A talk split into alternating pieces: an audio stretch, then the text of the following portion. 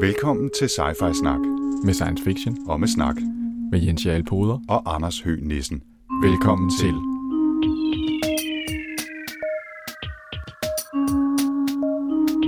You're traveling to another dimension.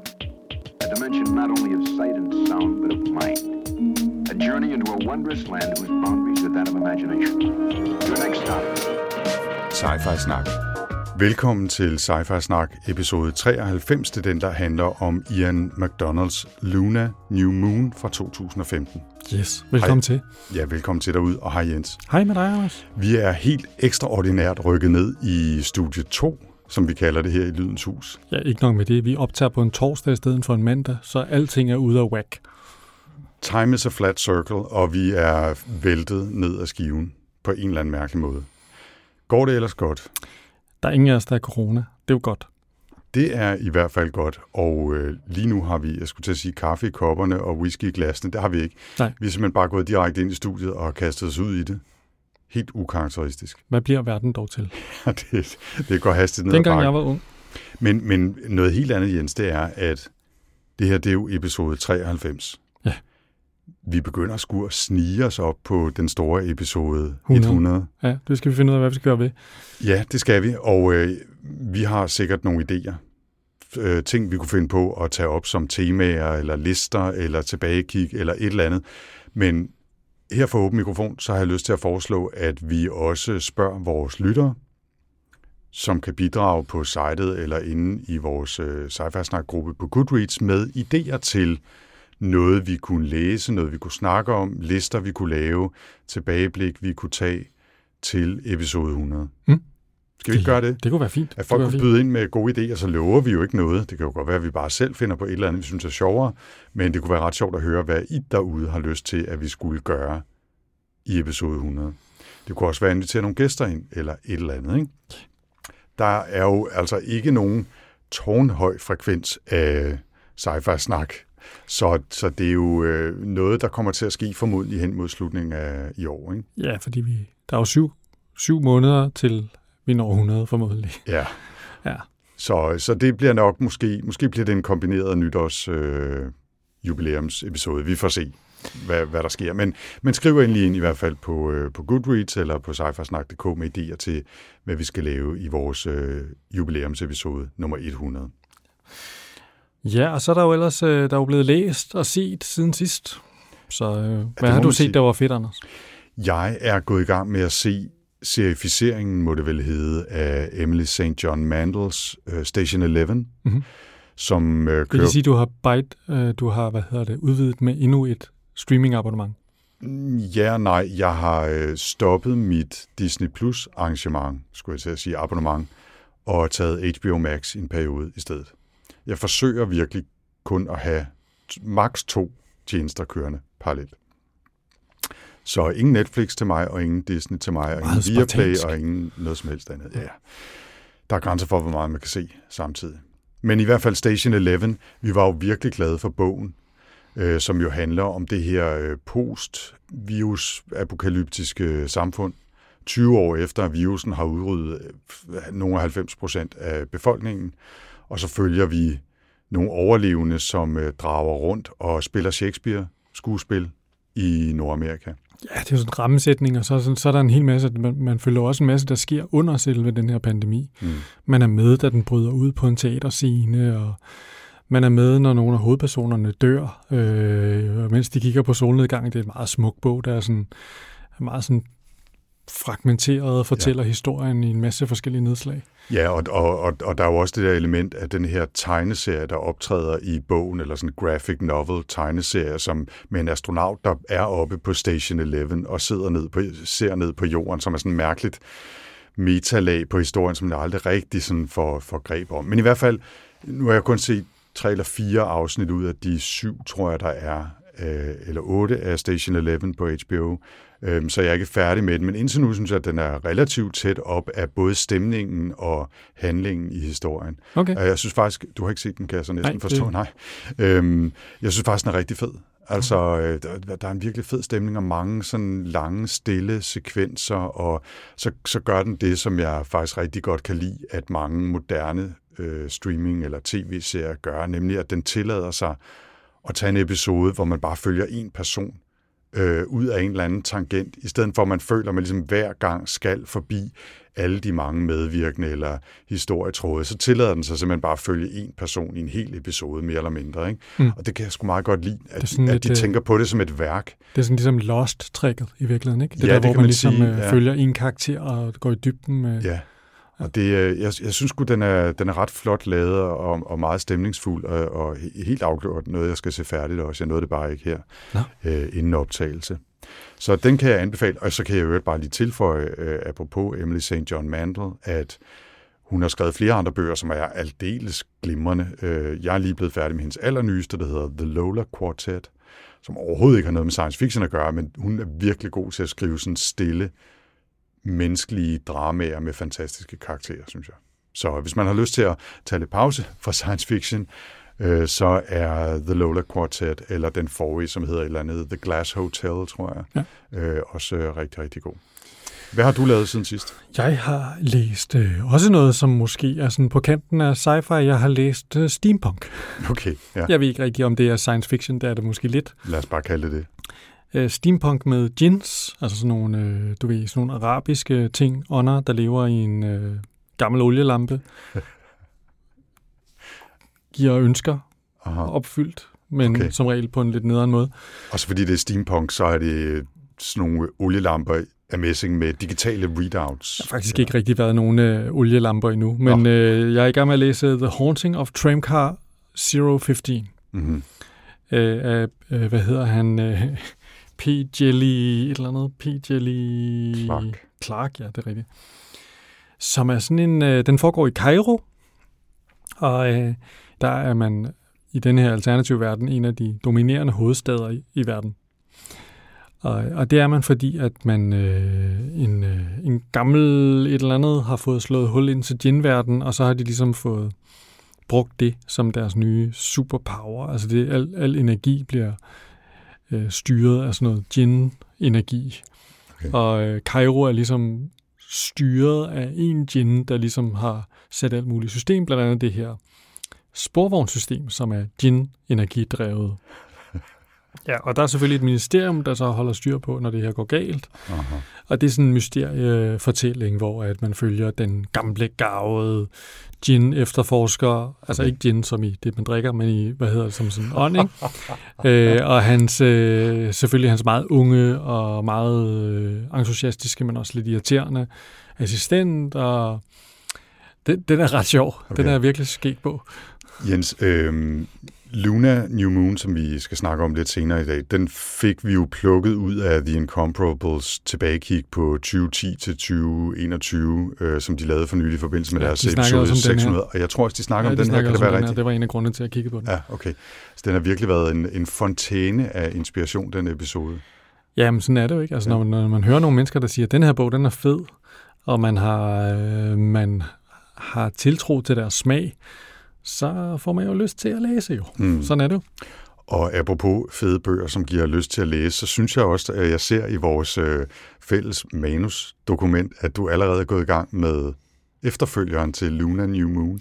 Ja, det, øh, jeg, jeg, jeg kørte direkte videre ind i, øh, i, i nummer to. Det er jo en lille spoiler af din øh, rating af den ja, her jeg synes ikke, det er ren lort, i hvert fald. Nej, det ville være mærkeligt, hvis du selv pinerisk kastede dig ud i to. ja, Øh, det var virkelig dårligt, men måske bliver toren bedre. Nej, det vil jeg nok ikke gøre. Mm. Øh, nej, jeg, jeg har jo været meget godt underholdt, og er nu øh, kastet mig ud i Luna Wolf Moon. Okay. Som, øh, som er meget, øh, ja, meget samme ja. stil og, og meget det samme, og jo lige til at lytte, hvis man har et Mofibo-abonnement, så, og det har jeg, så okay. det egner okay. sig vældig til, når man går lange ture. Ja, godt. Øh, jeg har været tilbage til en gammel kending også, øh, i forhold til læsning, og har taget endnu en tur med Kim Stanley Robinson, som virkelig Du har snart er, læst mere Kim Stanley, end du har læst Neil Stevenson. Det, øh, altså, han er virkelig ved at blive øh, en af, øh, som er højt rangeret i mit kanon af science fiction forfattere. Øh, den, jeg lige har læst, fik jeg anbefalet af mine gamle DR-marker, og nu nye kontormarker, Søren Bjørn, hej Søren, øh, som sagde, at du skal da læse Aurora, eller Aurora hedder det vel, mm. øh, på engelsk, som er historien om sådan et generation ship, altså sådan et øh, rumskib, som er stort nok til at have noget, der minder om en bæredygtig befolkning og økologi i sig, øh, flere kilometer langt, øh, bygget med forskellige sådan øh, zoner, som har forskellige klimaer, forskellige dyr og planter osv., og forskellige kulturer, øh, selvom man kan bevæge sig sådan relativt frit imellem. Og så, bliver den, øh, så rejser man simpelthen i flere generationer ud mod nogle planeter ved den stjerne, der hedder Tau Ceti, som ligger 11 lysår væk. Og så følger man de her personer, og ikke mindst øh, rumskibets computer, som i løbet af historien udvikler sig til at have mere og mere noget, der ligner en eller anden form for kunstig intelligens. Hmm. Og øh, så møder de selvfølgelig en hel masse udfordringer, der sker en hel masse ting, som jeg ikke skal spøjle, men øh, selvom jeg ikke nødvendigvis synes, det var hans bedste bog, så var det absolut en bog, der var værd at læse. Altså, øh, han har jo lidt den der sådan øh, tendens måske til at gå meget detaljer med en hel masse ting, der har noget med governance og, og alt muligt andet at gøre. Og han kan også være ret fragmenteret. Mm. Altså måske især oplevede vi det i Ministry for the Future, hvor vi jo gik fra at følge øh, en eller to tredje hovedpersoner ned til at høre altså et fotons øh, sådan point of view på turen fra solen ned til jorden og alle mulige andre mærkelige ting, sådan lidt Moby Dick, øh, random leksikal opslag nærmest øh, i de forskellige kapitler. Helt så slemt er det ikke her, men jeg sad dog tilbage med fornemmelsen af, at der var nogle delhistorier, jeg gerne ville have, ligesom have fuldt til dørs, mm. i stedet for at, nå, så stoppede vi ligesom her, fordi vi stoppede her. Ikke? Men altså absolut værd at læse Aurora af KSR. Nå, fedt. Ja. Det er meget sjovt med de der øh, generationsskibe. Ikke? Vi har også læst øh, Numenon, og vi har læst... Øh, jeg kommer til at tænke på den, der hedder Records of a Spaceborne Few. Ja, ja. Det er altid meget interessant der, når, hvad hedder det... Det er bare sådan lidt nogle gange det der med, er det så en... Jeg synes, de har det med at falde lidt... Altså, det, de falder lidt sammen, de der fortællinger. Det er tit mange af de samme problemstillinger, der opstår i dem, mm, synes jeg. Mm. Jeg synes, han er god til at også takle sådan hard science-delen af det, ikke? Ja, det altså, kan jeg forestille Hvad er det for nogle problemer, der opstår, når, når evolutionen ligesom kører i forskellige tempi, fordi det skal ske på det samme skib, så bakterier, bakteriekultur for eksempel udvikler sig hurtigt. Mennesker gør det ikke nødvendigvis, men gør de så måske alligevel øh, i forhold til, at de ikke øh, har helt så meget genetisk materiale at, at udvælge de positive øh, hvad hedder det, egenskaber fra osv. osv. Men altså, mm. interessant øh, helt afgjort. Vi skal også lige, inden vi går i gang med øh, bogen, vende vores øh, Goodreads-gruppe. Hvad er der sket der? Ja, altså først og fremmest vil jeg lige nævne, at der er sket noget på sci hvor okay. Henning har været forbi. Selvfølgelig. Det er der, Hej, hvor han øh, giver, hvad hedder det, kommentar. Det var jo sådan, at vi snakkede om Among Others, som der var nogen, der havde læst før tid, øh, i sidste afsnit. Øh, og øh, og øh, den er jo kendetegnet ved, at vi har hende her hovedpersonen Mor, Morgana, som hvad hedder det, læser groteske mængder science fiction. Og øh, det er jo sådan, at øh, hendes yndlingsforfatter er, det er Ursula K- øh, K. Le Guin, det er Celestny, og det er Delaney, hvor vi kun har læst øh, noget af Le Guin. Mm. og, og det fik Henning til at synes, at øh, det var måske en idé at få læst noget Delaney. Og det øh, er jeg jo fuldstændig enig i, det bør vi da få gjort på et tidspunkt. Mm. Og så kom der en hel masse gode forslag, øh, blandt andet Babel 17, uh, The Einstein Intersection, Nova og Delgrain, så skal nok jo at Delgren mm-hmm. og uh, Triton. Så ja, Samuel oh. Delaney ligger åben, ja. uh, og der er der nogle, der er nogle opdagte bud her på noget med Grace. Så ja. tak, uh, tak til Henning for, for gode idéer. Ja, tak til Henning, og det kommer bag på absolut ingen, at Henning selvfølgelig har en altså, leksikal viden om, uh, om alle science fiction forfattere, så, så tak igen mm. til hende derude. Så var der en interessant ting. Øh, en gut, der hed Jens, der foreslog på Goodreads her øh, at læse noget, der hed The Insecure Mind of Sergei Krev af en forfatter, der hed Erik Silberstein, som jeg aldrig har hørt om. Okay, så det er ikke dig, Jens, der har Nej, det er ikke mig, der har foreslået Nej, okay. Meget interessant. Sådan noget med øh, en verden, hvor man får sådan nogle neurale implantater, men så viser det sig at være et sikkerhedshul i en af dem. Okay. Og det udvikler sig over længere tid, okay. flere årtier, ja. og kommer til at påvirke noget, og han vil ikke spoile for meget, men det lyder som et interessant plot. Ja, det lyder spændende. Det lyder lidt anderledes. Mm. Det, det, det skal jeg lige ind og tjekke i hvert fald. Ja, og så tænker jeg, jeg tager lige den sidste her, ikke? at ja. øh, jeg har øh, jeg måtte ind og slå op, hvordan man udtalte det her. Det var stadig på russisk. Men, øh, men øh, en, der hedder Archum, undskyld, jeg muligvis har fuldstændig spoleret udtalen af dit navn her, mm. har faktisk lavet sådan en uh, Goodreads-liste med inputtene til det her. På. Vi har snakket om det et par gange. Der er sådan et, øh, et øh, forumindlæg, øh, som blev startet af, af Nis Berling, om god dansk sci-fi. Noget, som vi ikke har gjort så meget ved. Nej, vi, det, det er simpelthen skabt et modpres inde i community. Vi har nogle skæve indimellem, ja, synes jeg. det må jeg sige. Ja. Øh, og det, som Artyom har lavet, det er, at han har faktisk været inde og lave sådan en Goodreads-liste, Aha. som er sådan en, hvor man så kan stemme på dem, som man synes er de fede. Okay. Så de ligger simpelthen, øh, så kan man trykke, I vote for this, no. eller man kan tilføje øh, selv. Så den har jeg altså lige linket til på Twitter i dag, og jeg okay. smider den også i show notesene, fordi at, øh, jeg var lige inde og stemme. Ja øh, på to bøger, som ikke var kommet på listen. Okay, vil du afsløre for os, hvad det var? Jeg stemte på Herskerne af Nils E. Nielsen, som den bedste, Godt valg. vi har læst. Og øh, så øh, nummer to var Rynkeknippesyn. Øh, og det er egentlig ikke, fordi jeg synes, at den var særlig god, men jeg synes overhovedet ikke, at noget af det andet på listen var noget, jeg enten havde læst eller synes var godt. Okay. Det er, fordi jeg ikke har læst meget af det, tror jeg. Okay, okay. Der er, jeg, har læ- oh, jeg har læst lidt i den der uh, Lars En, hedder han, uh, et eller andet andet har skrevet en, der hedder Månebase Rødhætte og andre fortællinger. Den var ret sjov, og den er, minder lige virkelig lidt om det her, vi skal snakke om her med varulve på månen og sådan noget. Den starter med øh, ombord på et rumskib, hvor at der er øh, en varulv, som er ved at blive transporteret til månen. Og fordi den er på vej til månen, så er den selvfølgelig ved at blive Aha. ellevild. Ja. det er en ret sjov historie. Okay. Ja. Nå. Jamen øh, spændende, det vil jeg øh, selv gå ind og stemme på også. Ja, og det vil jeg øh, virkelig, hvis der er nogen, der gider gøre det, så vil det være mega fedt, for indtil videre det vil kun tre, der har stemt. Okay, ja, så, nå, så øh, altså det er simpelthen, så, så, hvis, du, hvis du vil være med til at lytte på den næste episode af sci Snak, så skal du simpelthen gå ind og stemme. Yes. Nå, Jens. Ja, ja. Ian McDonald, ja. Luna New Moon fra 2015. Det var dig, der valgte den. Ja, det var fordi, at uh, Scott McNulty, der i den der heostratisk berømte nærmest, hvad hedder det, podcast-afsnit, nævnte den som sådan en, uh, en kompliceret forfatter, der skriver vildt indviklede bøger, og så blev han træt af ligesom at være typecastet i den her rolle, og så havde han... Uh, så han tænkt, nu skriver fandme sådan en, der kan blive en rigtig banger, øh, af en, der kan blive solgt til et bio og blive en fed serie og sådan noget. Ja. Og så tænkte jeg, det lød sgu da meget sjovt. Og både Jason Snell og Scott McNulty synes, den var fed, og så tænkte jeg, den skal vi læse. Den skal vi læse. Og øh, det er en bog, som sagt, der udkom i 2015. Den har siden fået følge af to mere i det, der så nu er blevet en trilogi. Mm. Luna Wolf Moon fra 2017, som vi lige snakkede om, at du allerede er gået i gang med. Mm.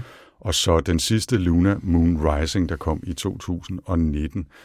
Og sagt meget kort, fordi det er en bog, der har et persongalleri som altså et øh, større dansk øh, gymnasium og, og rigtig mange handlingstråde, men altså sagt meget, meget kort, så handler det om fem konkurrerende familie- og forretningsdynastier på månen, som i nogle perioder lever i sådan en slags øh, uheldig alliance eller våbenhvile, andre gange bare i åben krig, både økonomisk og, og helt korporligt. Den ja. blev ved, ved udgivelsen blev den jo omtalt som en slags Game of Thrones in space. Ja, og det er jo ikke helt skævt. Øh, måske når man lige ser bort fra, at der er knap så meget. Altså, der er ikke lige så mange sider at læse, som mm. der er i af Game of Thrones-serien. Mm. Øhm, Måske også næsten mere øh, nogle gange en Godfather in Space. Ja, den synes jeg også, øh, den, den, den er også relevant at nævne. Ja. Øh, og så, t- øh, så mindede den mig, altså vi, vi, øh, vi følger jo især den her familie, der hedder The Cortas øh, som, som har firmaet Corta Elio, som hvad hedder det, laver helium-3, som øh, de sender ned til jorden til fusionsreaktorerne. Ikke? Mm. Og de er stinkende rige. Og, og det her samfund er jo altså nogen, hvor at folk er enten totalt på toppen, men langt de fleste lever. Det, det er benhårdt tilværelse. Ikke? Det, er, det er, der er ikke øh, hvad hedder det, dagpenge på månen, kan jeg sige. Nej, det, er... det er sådan noget, alle, når de ankommer til månen, så får de implanteret sådan en øh, linse i øjet, hvor de kan se de fire grundværdier. Carbon, luft, vand og data. Og hvis ikke man har et job, hvor man tjener gode penge, så, så, får man, så har man ikke luft til at ånde. Men det store historie er selvfølgelig de her Cortas, og der, jeg, jeg kom til at tænke på Bas Lermans uh, Romeo and Juliet. De her, det er sådan nogle brasilianere med store armbevægelser. Øh, uh, Lukas' søn hedder Lucasinho, og uh, uh, hvad hedder det, den yngste bror hedder Carlosinho efter sin far Carlos og sådan noget. Det, og de er meget dramatiske, og følelserne øh, slår gnister og, ja. og, i kampen om... På den ene side, så er det jo kampen øh, Korta Elius kamp med de andre dynastier, men det er jo også en generationshistorie. Det, der ligesom skaber ubalancen i det her, det er jo, at jernhånden Adriana Corta, som har skabt, har været med til med sine egne hænder at bygge det her imperium. Bedstemoren. Ja, ja det er, at hun er moren til uh, Lucas Corta. Øh, hun, er, hun kom fra jorden oprindeligt og har bygget det her og har fundet på hele den her idé med at sælge helium-3 fra månen. Og, og i dag der er de jo kæmpe rige, altså de har monopol på helium-3-produktion til jorden. Så, så de vader jo i penge. Men hun er jo ved at blive gammel, og der er en overgang til den næste generation. Og det er ligesom det, der bliver sat meget i scene fra starten, ikke? at vi har en første generation, som er dem, der kommer op fra jorden, anden generation, som stadigvæk er sådan rå typer, hårde i filten. Og så har vi tredje generation, som vi starter med, Lucasinho, som bare render rundt og tager stoffer og har det super fedt. Og, og man tænker, at det her, når du får det her imperium i hænderne, så smuldrer det hele fra hinanden. Og det tænker Adriana Korta selvfølgelig meget på. Ja. Den her gamle og, dame. Og Kortagerne er jo øh, den sidst tilkommende af de her fem store øh, forretningsdynastier, eller drager, som de ja, bliver kaldt. Dragons. Five Dragons. Øh, så, så de er måske dem, der sådan mest skal slås, men de har også været dem, som er kommet hurtigt op, altså, de, men de andre betragter dem nok i en eller anden grad som de nyrige opkomlinge, ikke? Som, som de øh, gerne vil have ned med nakken. Og det er klart, de ser også øh, deres snit til måske at gå til angreb på Korta, øh, både familien og, og firmaet, da Adriana begynder sådan at, at komme op i årene og, og måske være lidt mere svagelig. Og en af de allerførste scener i bogen, der er vi til kæmpestor familiefest i den her undergrunds øh, McMansion, som de bor i, altså som er blevet gravet ud af, af måneklippen dybt nede under jorden, for at man beskytter sig mod stråling, men der er opbygget haver og vandløb og små, nærmest små skove og øh, fantastiske rum og balsaler og alt muligt andet, og alt, hvad der kan kravle og gå af, af de fineste fine og de rigeste rige fra månen, er blevet inviteret til, til stor fest dernede hos øh, kortagerne. Men så er der altså også nogen, der har ser chancen til at forsøge at, at begå et attentat mod Rafa, Korta, som er øh, Adrianas øh, ældste søn, og ham som måske øh, står først i køen til at overtage firmaet, når hun øh, giver, giver magten fra sig. Der er nogen, der forsøger at slå ham ihjel med et attentat med en lille øh, manipuleret mekanisk robotflue. Altså en cyborg-flue, cyborg-flue med, øh, med, gift, med gift, som er personaliseret på ham. Men en Joe Moonbeam, en, en relativt ung kvinde, der er første generation på månen, og som har taget det op, og som lever i fattigdom fra den ene værtrækning til den næste, som har taget et job som tjener her, selvom hun i virkeligheden er minearbejder og, og, og alt muligt andet. Men Skide klog og alt muligt. Hun tager simpelthen det her job simpelthen for at tjene altså, de næste værtrækninger og en lille smule vand, så hun ikke dør af tørst. Og det lykkes hende simpelthen at spotte, at det, den der flue er på vej hen mod Rafa, så tager hun et, et cocktailglas og vipper lige hen over fluen og så ned på bordet. Øh, så hun fanger den der flue. Og lige pludselig så står der jo 17 livvagter med knive helt op i halspuls oven på hende, fordi de tror, det er hende, der er, er ved at begå et attentat. Men de opklarer situationen og, og tilbyder hende så et, et job i Korta, familien, øh, som tak for hjælpen, ikke? eller i firmaet.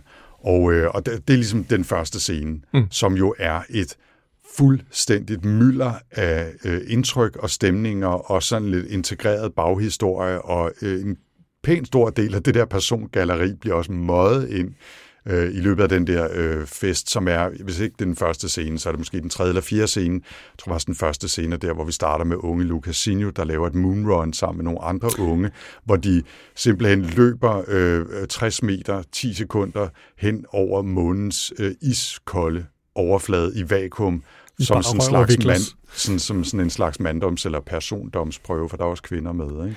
Ja, det er jo det. De er jo meget, ja. de er meget on the spectrum alle sammen. Ja, det må man sige. Men, men Jens, nu, nu, før vi går videre med handlingen, så tænker jeg også, at vi måske lige knytte et par flere ord til, til selve månen og, og samfundet derop, fordi det er faktisk noget af det, som jeg synes er en stor del af den her bog. Det er beskrivelsen af det her samfund, som er virkelig hitte på som og nuanceret og detaljerig og farverig, ikke mindst. Men, men som vi jo først, altså som først rigtig blev udfoldet i løbet af, af bogen. Og, og jeg synes, øh, måske der var nogle ting, der kunne være meget at have vidst også tidligere, ikke? Øh, uden at vi skal kaste os ud i en kritik allerede nu.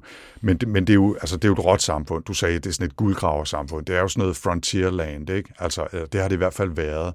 Og den grundstemning ligger der jo stadigvæk, selvom der nu er de her fem rige familier. Der er masser af kultur og kunst og øh, altså koncertsale og øh, mode og medier og alt muligt andet. Men så er der også hele tiden bare den der rå borebisser, der er ude at grave helium øh, eller lave transportsystemet, da hele den russiske familieklan står for transportsystemet og har store maskiner og lugter af olie. Ikke? Og altså, øh, så er der kineserne, der står for alt højteknologien osv. osv. Men, men der er stadigvæk den der fornemmelse af, at det her det er bare et råt guldgraver eller borebisse samfund, hvor alting er bare ultrakapitalistisk, ikke? Altså, og alting bliver lavet på sådan nogle kontrakter.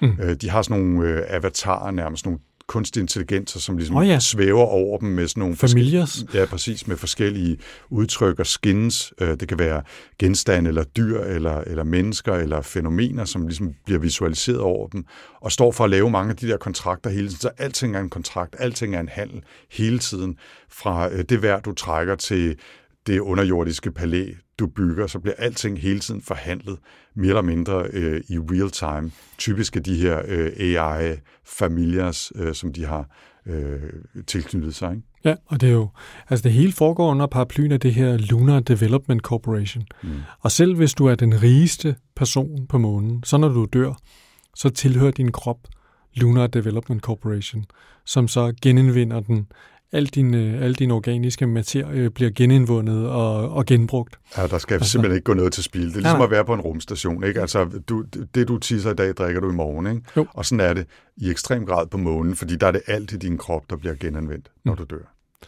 Nogle gange også nærmest inden du er død, fordi så, så råt er det, ikke? jo, jo, det er sådan lidt der, I det øjeblik, man dør, så står der nogen klar til, ja, det, at, så kommer der til at tabe en, en flok robotter og begynder at, at skære ind i små stykker. Ikke? Ja, så det er ekstremt... Øh, det er ekstra, altså, der er heller ikke rigtig noget lovgivning. Altså, der er noget, der hedder The Court of Clavius, som er sådan en, en, øh, en, en retsinstans, men det er udelukkende forhandling. Ja, det, det der er, er i virkeligheden kontrakter. Ikke? Altså, alting er forhandling, og det handler om kontrakter. Og det kommer jo også til udtryk, også i en af de allerførste scener, hvor øh, Arya øh, Korta, nej, Ariel Korta hedder hun, øh, som er øh, en af, af, af hvad hedder det, døtrene, eller øh, kvinderne i, i den her klan. Hun er advokat, hun er stjerneadvokat, øh, og hun er i retten til en eller anden retssag, og så kommer det dertil, hvor de ikke rigtig kan blive enige, og så er der altså tradition for på månen, at hvis man ikke kan blive enige i en court of law, jamen så skal det sagen afgøres ved ved kamp, for eksempel med knive. Så hun smider simpelthen bare øh, det meste af tøjet, står tilbage i stramme bukser og en lille sportsbh, og så øh, kniv, og så er hun bare klar til at kæmpe. Og sådan er det altså, man afgør sine retssager deroppe. Ikke? Hvis man er advokat, så er det fandme også nødvendigt, at du er god med en kniv, for ellers så, så går det galt meget hurtigt. Ikke? Mm. Det er, og det er jo er, det samfund, månesamfundet i ekstrem grad. Ikke? Ja, så det er sådan meget, meget kulørt. Altså, verden, han har bygget på en eller anden måde. Han, han, han tager jo en masse, man kan godt mærke sådan inspirationen for forskellige ting. Ikke? Øh, det andet, en af de andre store familier, Robert Mackenzie øh, og Mackenzie Metals, mm. som er jo øh, den familie, der i virkeligheden har været med til at etablere hele det her månenåd. Altså, han sidder jo i sådan en, øh, en overlevelses... Øh, maskine nærmest. Han er sådan, nærmest sådan en mum, levende mumie, som, øh, som sidder i sådan en stor, øh, hvad hedder det, grøn have, øh, og syrer sit imperium med hård hånd. Ikke? Og der er altså virkelig taget noget inspiration fra Harkonnens, og, men også, synes jeg, fra Game of Thrones. Altså, øh, Mackenzie'erne, de, de, de repays their debt thrice, eller sådan tre gange. Uh-huh. De betaler altid deres gæld tre gange tilbage. Og det er både, hvis du har gjort noget dårligt mod dem, så får du tre gange tilbage, eller hvis du har hjulpet dem, så får du tre gange tilbage. Det er ligesom deres ting, ikke? Og det minder jo utrolig meget om Lannisters, ikke? Som a Lannister always pays his debt. Lannisters er en af, hvad Ja, hedder det? jeg- Du har aldrig læst Game of Thrones, men Nej, det er jeg en af, det er en af, eller set. øh, det er en af så- familierne i, i Game of Thrones, og nogle af de nasty, man ikke rigtig kan lide. Okay. Dem med alle pengene. Mhm. Og øh, noget af det, der er fedt, ikke, det er jo altså, at han er ret opfindsom med de her ting. Ikke? Altså, Mackenzie's, de har bygget en kæmpe smelte, øh, hvad hedder det, øh, De smelte de... smeltedil, øh, sådan en, øh, en metal. De- Mackenzie's, de, øh, de graver ra- rare metals, altså sjældne metaller op fra jorden, øh, og, og så smelter de dem med spejle, som fokuserer månen, øh, slår solens stråler ned i sådan en smeltedil. Mm. Og der er altså sådan en kæmpe stor, hvad hedder det, som altid er i solen, fordi den bevæger sig. Den hedder Crucible, som bevæger sig sådan på sådan nogle øh, tracks rundt om, om, om månen. Altså, Ja. mega sejt. Altså, og, og du sagde, du kulørt, ikke? Og Mm. det er den virkelig. Ja. Øhm, altså, han bruger også relativt meget tid på at beskrive deres øh, sexliv. Og, og, og det- noget af det fantastiske ved det her samfund er, at, at øh, alle er ligesom, øh, øh, dels er de polygame, men de er også altså, sammen med hvem som helst på tværs af køn, øh, stort set. Ikke? Meget bi, mange af dem, ikke? Meget bi, og, og så er der også øh, advokaten her, som vi talte om før, som er øh, strengt autoerotisk. Ikke? Altså hun har kun sex med sig selv, og har kun nogensinde haft sex med sig selv. Og, øh, og, og øh, gør det så i et rum, hun har designet i sit lille hus, som kun er til det. Og så får hun øh, sådan AI-input, og hun får specielt designet 3D-printet øh, sexlegetøj til sig selv. Og det er ligesom hendes ting, og sådan, det bruger han også ret meget tid på at beskrive. Og det, og det, det er lige præcis kulørt. Og så var der det der med vareulvene også, ikke? som, Jo. som øh, den yngste bror, øh, øh, Wagner hedder han, mm. er, er vareulv og, og løber ligesom med sin, sin flok, sit pack af andre vareulve derude, ikke? Og, øh, og er jo sådan lidt måske set skævt til af sine ældre søskende, fordi han er det. Men samtidig er det jo noget, der kan komme ind rimelig handy øh, sine steder, ikke? Ja, og, altså, da jeg først læste det, tænkte jeg, hvad fanden er det for noget med sådan noget fantasy-element lige pludselig? Men det viser sig jo, at det så virkelig er sådan en slags psykologisk sygdom, han har. Mm. Det er virkelig en måde, folk, der er, sådan er bipolare, de, hvad hedder det, tager nogle stoffer, og så bonder de sammen i sådan nogle samfund. Så det er virkelig inspireret af varulve, men det er ikke, altså det er ikke det, som vi vil kalde for varulve. N- Nej, men, og, men samtidig så påvirker de der stoffer, og den tilstand, som kommer over ham en gang imellem, jo ham på en måde, så han bliver sådan hypersensitiv, ikke? Altså, Mm. mm. og, og kan tænke 10 gange hurtigere, end han plejer, og 10 gange hurtigere end alle andre og sådan noget. Så der er jo en eller anden form for sådan selvforstærkende, næsten også fysiologisk effekt af det, ikke? Jo jo, Ja, og, ja.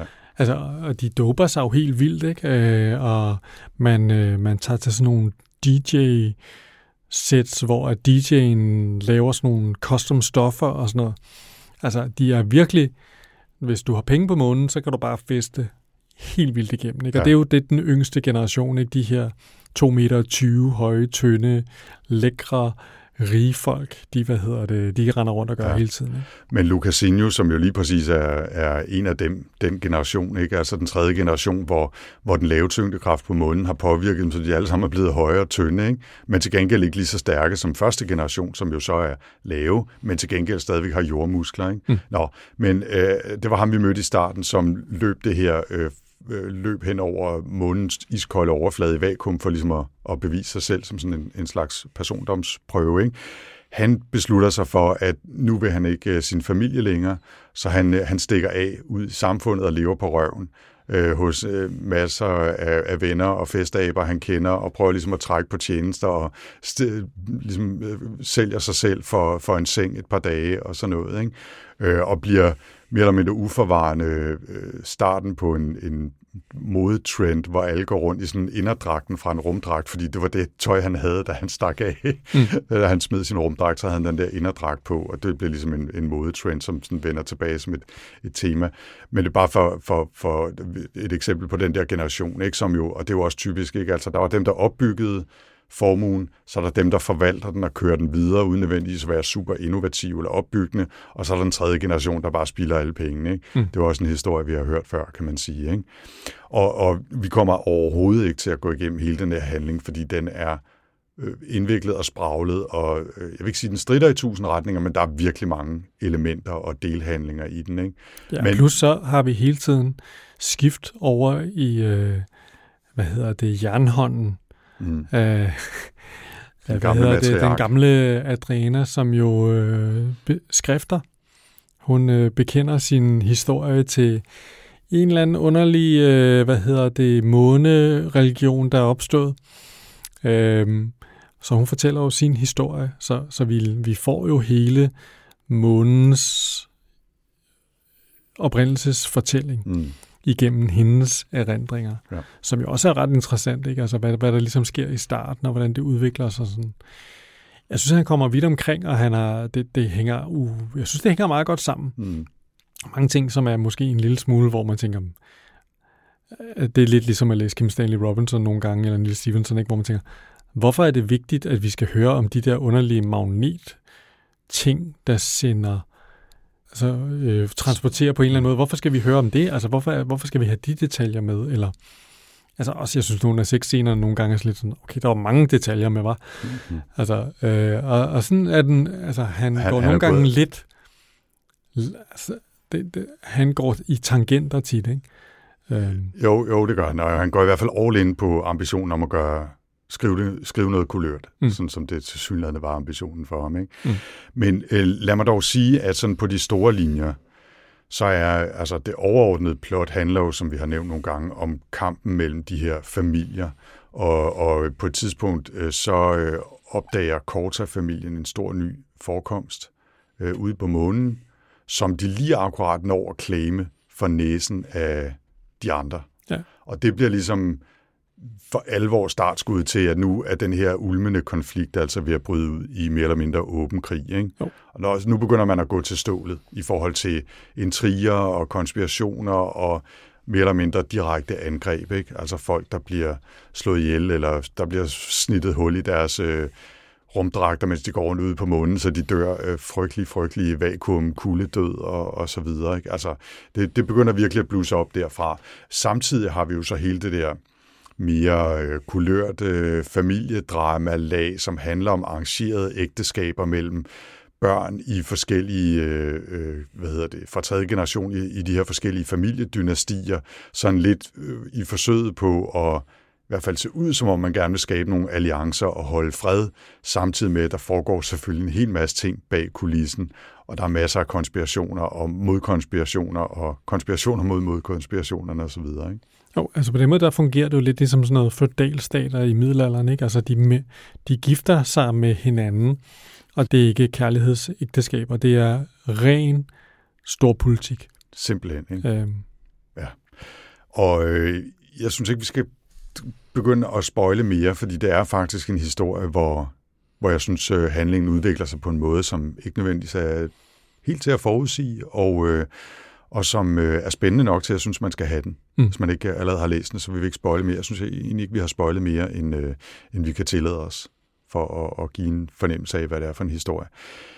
Vi har allerede været inde på, at, at øh, månen jo er et både sådan et brutalt guldgraver samfund, hvor man skal ud og altså nærmest stikke spaden i jorden en gang imellem, samtidig med at det også er højteknologisk. Der er masser af kunstig intelligens, der er de her familier, sådan nogle hologram, avatar, øh, kunstig intelligens, digitale assistenter, ikke? der er øh, fusionsreaktorer, der brænder helium-3, både på månen og nede på jorden, og man har jo indtryk af i øvrigt, at jorden er nærmest sådan lidt forarmet, overbefolket øh, øh, samfund, ikke, som man bare nærmest lidt har glemt. Det er bare et sted, man sælger sine Altså, ting til. de rigeste og mest farvel, avancerede mennesker i verden, de bor på månen. Ja, og Det er de der, har, du har den mest avancerede teknologi og den mest avancerede medicin og alting, ikke? Altså, Præcis, og de, og de er nødt til at blive der. Mm. Altså, efter man har været på månen et bestemt antal dage, så er man nødt til at blive der, fordi så er en, skil, en skelet i den lave tyngdekraft blevet så øh, porøst, og at man ikke længere kan tage ned på jorden, uden at skulle sidde i en kørestol resten af livet.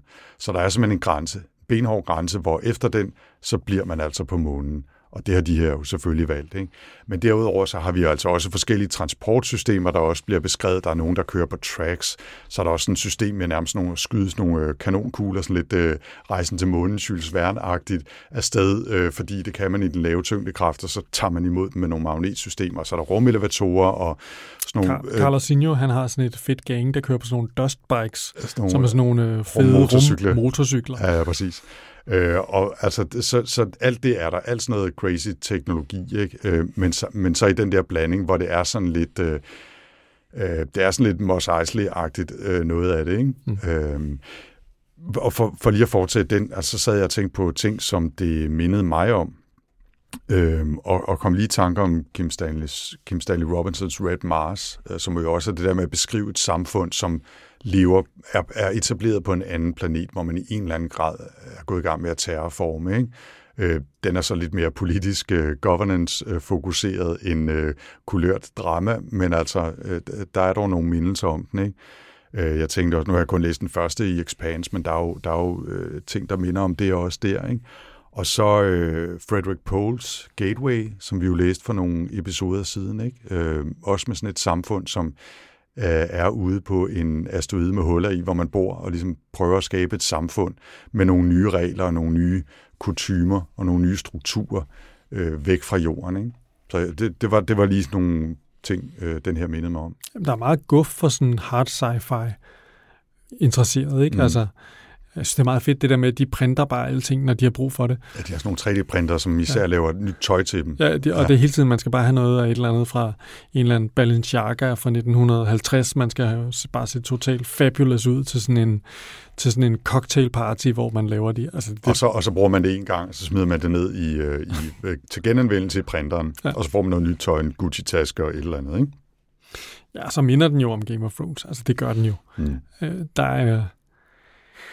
Altså, han må simpelthen have skilet til den. Altså, det, det, det, er, det er samme ambition om ligesom at, at, at, at lave en stor fortælling, der bringer, bringer mange forskellige øh, familier i spil, og lader dem skifte fra helte til skurkerollen. Og, altså, Lucasinho synes man jo er en kæmpe idiot i starten, ikke? Men altså, øh, Monik, han har en udviklingsark over de her tre bøger, som gør, at han måske redeemer sig selv, hvem ved. Ja, det, er det, det eneste, han kan øh, her i bogen, er stort set at bage kager. Det er han til Ja. gengæld også rigtig, rigtig god til. Så smider han alt tøjet og bærer kage, og så håber han alt går, og så Men håber han, folk godt kan lide ham igen. Man tænker, der nok er lidt mere øh, i ham. Ikke? Jo. Skal vi øh, give den en rating? Ja. Øh, nu var det dig, der valgte, så øh, skal jeg ikke lægge ud? Jo, det synes jeg. Øh, jeg synes, det har været virkelig svært. Jeg synes, den var virkelig svær at give en, øh, give en stjerne, eller, eller hvor mange den En skulle have. Hvor svært. Ja. Øhm, jeg er endt med at give den tre stjerner. I virkeligheden er det en blanding af to og fire.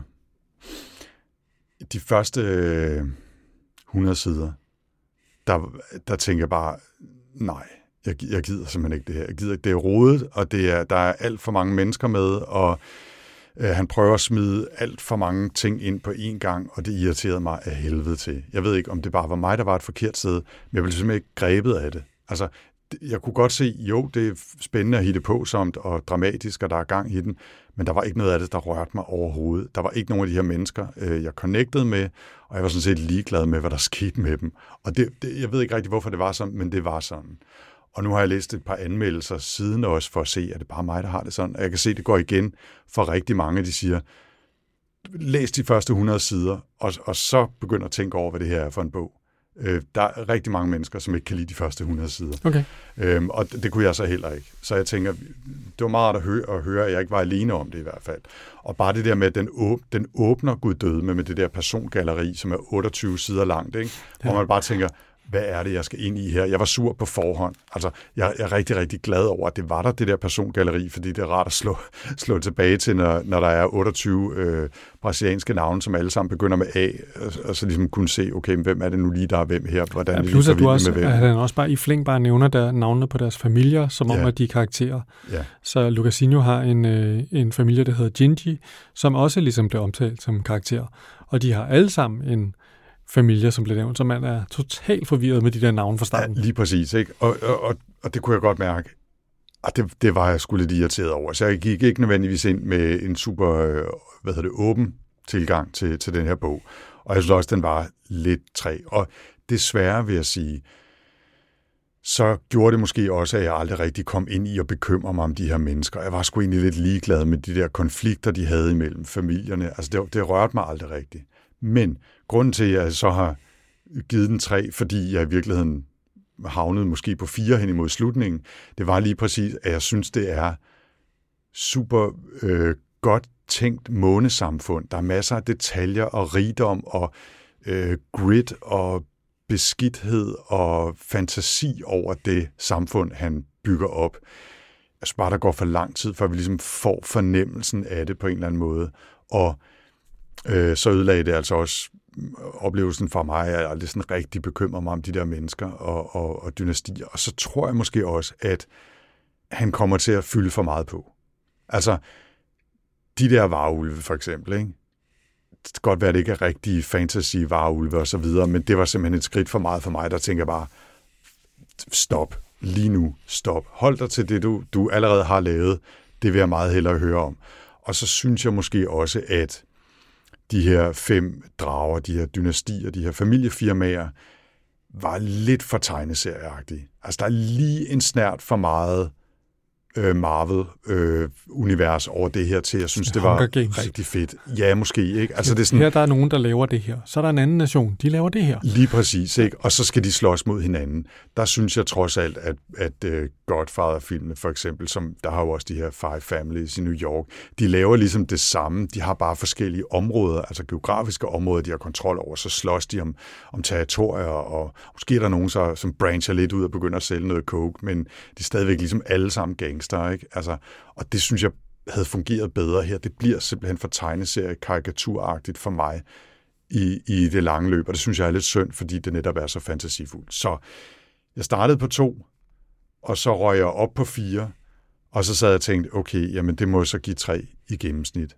Så det, og det, jeg har det egentlig lidt dårligt med det, fordi jeg synes måske, den fortjener en fire, men altså, det var der, jeg havnede. Mm. Hvad med dig?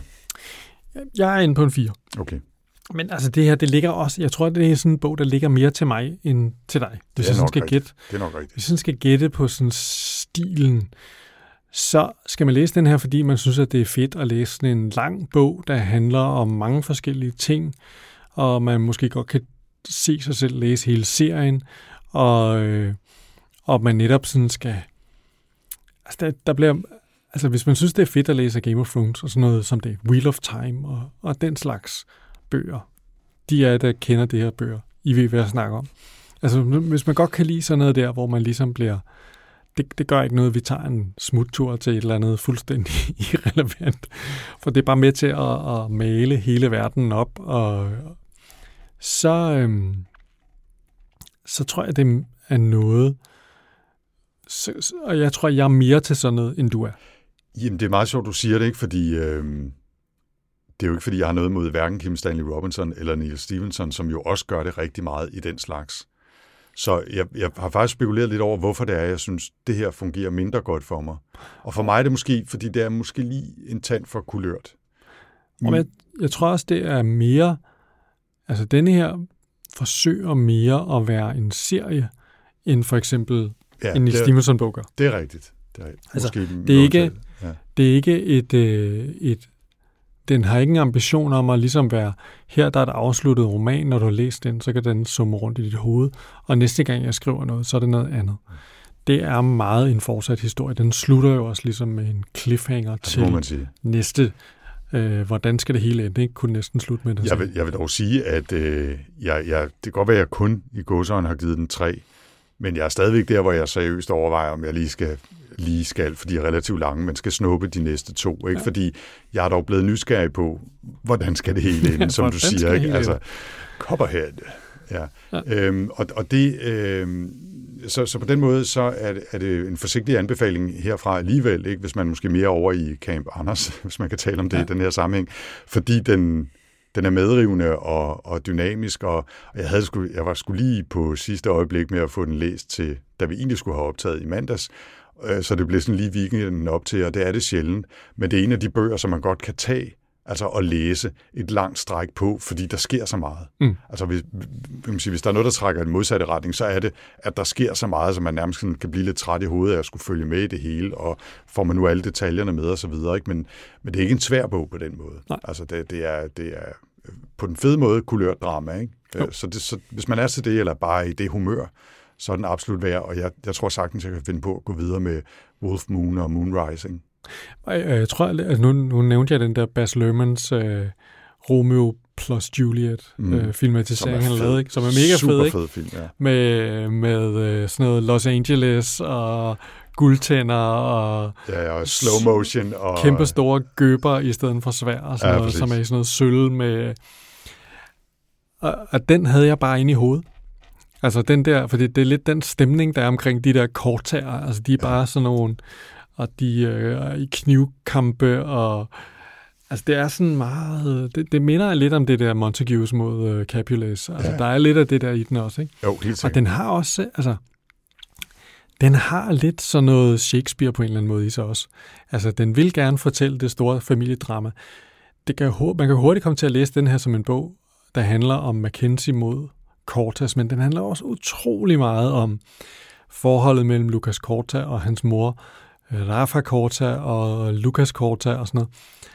Og det, det, på den, der er lige sådan lidt, øh, altså det er sådan en Shakespeare-soap, ikke? Mm. Øh, og det, det synes jeg også er meget fedt. Men, mm. men det er rigtigt, den, så bliver han lige optaget af, der skal lige fortælles lidt om det her øh, bossa nova fra Brasilien, som Lucas Corta elsker at høre, har bygget det her rum til at sidde og lytte på, og der er virkelig mange ting. Ja, han, blev jo et skilt fra sin kone og forsøger så at, at lokke en meget, meget dygtig bossa nova-guitarist, der hedder Jorge, til at gifte sig med ham.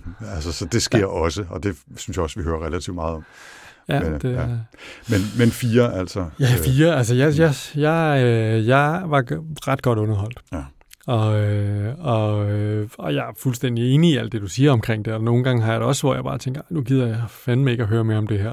Så, så ikke nu at komme videre for ringen. Ja, men det kommer han så. Og hvis, også, ja. hvis, hvis han ikke havde, altså hvis den ikke havde det, så vil jeg, så vil jeg snærpe, altså hvis han havde haft en god redaktør på, der havde skåret det her til, så havde jeg måske ovenikøbet været endnu gladere for den. Mm. For jeg synes, den kan virkelig noget, og jeg synes det der, det jeg synes er fedt ved den, det er, nu kom jeg til at tænke på den her, hvad var den nu, den hed, vi læste ham, der har lavet The Martian, som så skrev en mellembog, som var pisse øh, dårlig. øh, øh, Artemis. Artemis, ja. Ja, ja, Det var jo lidt det samme, sådan en slags verden, ja, lige præcis. som handlede om sådan en minestation på Ja. månen og sådan noget.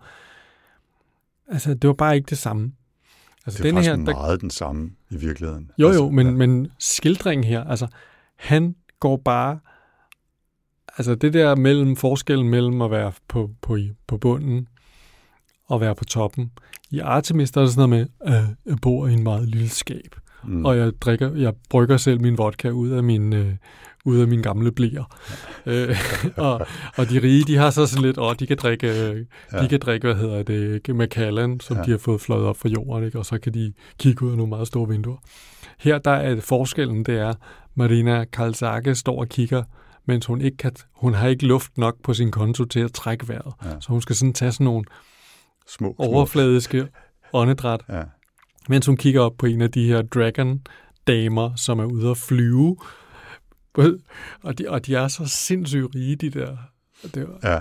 men, jeg, også, også det der, jeg synes egentlig, det er en okay, altså det er jo monopoler, de her, ikke? Jeg synes egentlig, det er okay at hævde, at et hyperkapitalistisk samfund vil deroppe vil, vil splitte sig ud i monopoler. Altså det, det kan der jo sige, der er meget, der tyder på, at det er jo... Ja, bortset ja, jo, jo, man ja, det bliver en lang diskussion, Nå jo, hvordan altså- kapitalismen vil udvikle sig, ikke? men altså, øh, hvis vi kigger på, hvordan det foregår her lige nu, så er det jo snarere, at alle op, forsøger at opkøbe alle andre og lave sådan nogle kæmpe store konglomerater, ikke?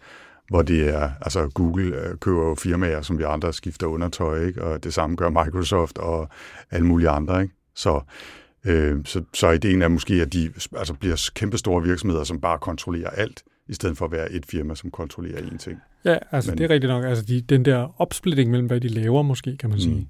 Nå, men en ting, jeg, jeg ved ikke, om vi fik, øh, eller som jeg ikke ved, om jeg fik understreget nok tidligere, det er, at et, et spændende element af det her er jo, at Korta-familien kommer jo af brasiliansk kultur, Så har vi en kinesisk kultur, en australsk kultur og en russisk kultur, og nu har jeg glemt de sidste. De er fra Ghana. De er fra Ghana, Altså, ja, det er de er rigtigt. Lige præcis dem, der ligesom står for landbruget og dyrkning af mange af fødevarene og sådan noget. Ikke? Og jeg synes jo faktisk, et- at det er både et udfordrende og fantastisk element, at det ikke alt sammen udspringer af sådan en vesteuropæisk eller amerikansk kultur, men af andre dele af verden, som vi måske ikke hører så meget om i science fiction sammenhæng især. Ja, det er super Og- fedt og med det, det- der brasilianske. Ja, det er super og cool. Det, det er fedt. Det er også lidt udfordrende en gang imellem, ikke? Øh, Men, men jeg synes faktisk, det er rigtig fedt. Det er et skide godt element af det, og det er rigtig godt tænkt. Ja. Så. Men altså, øhm, Bum. Luna, New Moon, Ian McDonald, tre eller fire stjerner. Mm. Ved du hvad? Lad os bare sige fire. Om ikke andet, så hvis man har lyst til at læse noget med Ramachan i, og som foregår på månen, så, så er det et godt bud. Og hvem har ikke det? Jeg har i hvert fald lyst til at læse nummer tre også. Ja. Men hvad skal vi læse næste gang, Anders? Ja, næste gang, der skal vi læse noget helt andet. Det kan jeg forestille mig. Ja. Nu læser jeg beskrivelsen op her fra, øh, fra Amazon, Okay, hvor jeg lige har købt bogen her i dag. apropos monopoler. Ja, jeg prøver at skifte, men det er en lang historie, det tager vi en anden god gang. In the far future, after human civilization has spread through the galaxy, communications begin to arrive in an apparently alien language. They appear to threaten invasion, but in order to counter the threat, the messages must first be understood. Joint winner of the Nebula Award for Best Novel 1966. Det er Babel 17 af Samuel R. Delaney. Ej, hvor fedt. Ja, vi snakkede om det i starten, og vi snakkede også om det sidst, at uh, Delaney er en af de forfattere, der bliver nævnt hele tiden i uh, Joe Waltons Among Others. Og uh, ingen af os havde læst noget af Delaney, og Babel 17 står højt på alle lister, og var jo så også en af anbefalingerne fra Henning, som du nævnte tidligere, så jeg tænkte, den skal vi selvfølgelig Let's læse. do it. Let's do, Do it. it. Samuel Delaney fra 1942 har vundet en røv fuld af priser, inklusive altså en delt øh, Nebula for Babel 17 fra 1966, som vi skal læse til næ- næste gang. Og som en lille bonus, så har jeg fundet et citat om Babel 17 fra Among Others, øh, Joe Walton, hvor hun skriver, at sometimes, og jeg undskylder mit engelske i slutningen af den synes, her podcast, men så, tak skal du have. Sometimes it feels as if it's only books that make life worth living. Det kunne nærmest godt være et uh, sådan tagline til sci-fi snak, ikke? Like on Halloween when I wanted to be alive because I hadn't finished Babel 17. Så altså, det er det, der holder hende i live stort til, eller holder hende fra at begå selvmord. I'm sure that isn't normal. I care more about the people in books than the people I see every day. Jeg siger ikke, at det er nødvendigvis 100% af sådan, jeg har det, men jeg er heller ikke øh, så langt fra det, at jeg ikke kan forstå, hvad hun siger. Nej. Så jeg er meget spændt på at høre, om øh, Babel 17 er en bog, der kan holde vores humør bare en lille smule i vejret i den her tid, hvor der stjernerne skal vide det, er masser af ting at være sur og deprimeret over. Ja. Så på den happy, happy note, øhm, Således opmuntret. Samuel R. Delaney's Babel 17 fra 1966 til næste gang. Hvor kan man finde os i mellemtiden, Jens? Jamen, øh, man kan altid kigge ind på sci-fi-snak.dk, hvor at, øh, man kan finde samtlige af vores 93 episoder nu. Øh, og hvis man skriver en kommentar derinde, så læser vi den helt sikkert, og man får som regel også et svar. Og øh, ellers så øh, er vi jo aktive på goodreads.com, sammen med en hel masse andre mennesker. Øh, og øh, man kan besøge os på vores øh, Goodreads-gruppe, der sjovt nok hedder sci snak og der hænger vi ud, og øh, folk kommer med forslag til ting, man skal læse. Og det er som også der, man kan stemme på listen over, hvad for nogle danske science fiction bøger, som er gode. Og man kan komme med forslag til, hvad vi måske skal lave i vores øh, episode 100, Nå ja. som vi begynder at kunne se ude øh, i horisonten. Ja, det hører vi gerne om. Det gør vi. Til da, til næste gang, tusind tak for den gang, Jens. Det var tak til jer derude. Det var for os en fornøjelse. Vi håber, I er glade for at lytte med. Tak for den gang. Ha' det godt. Ses du. Hej. Hej.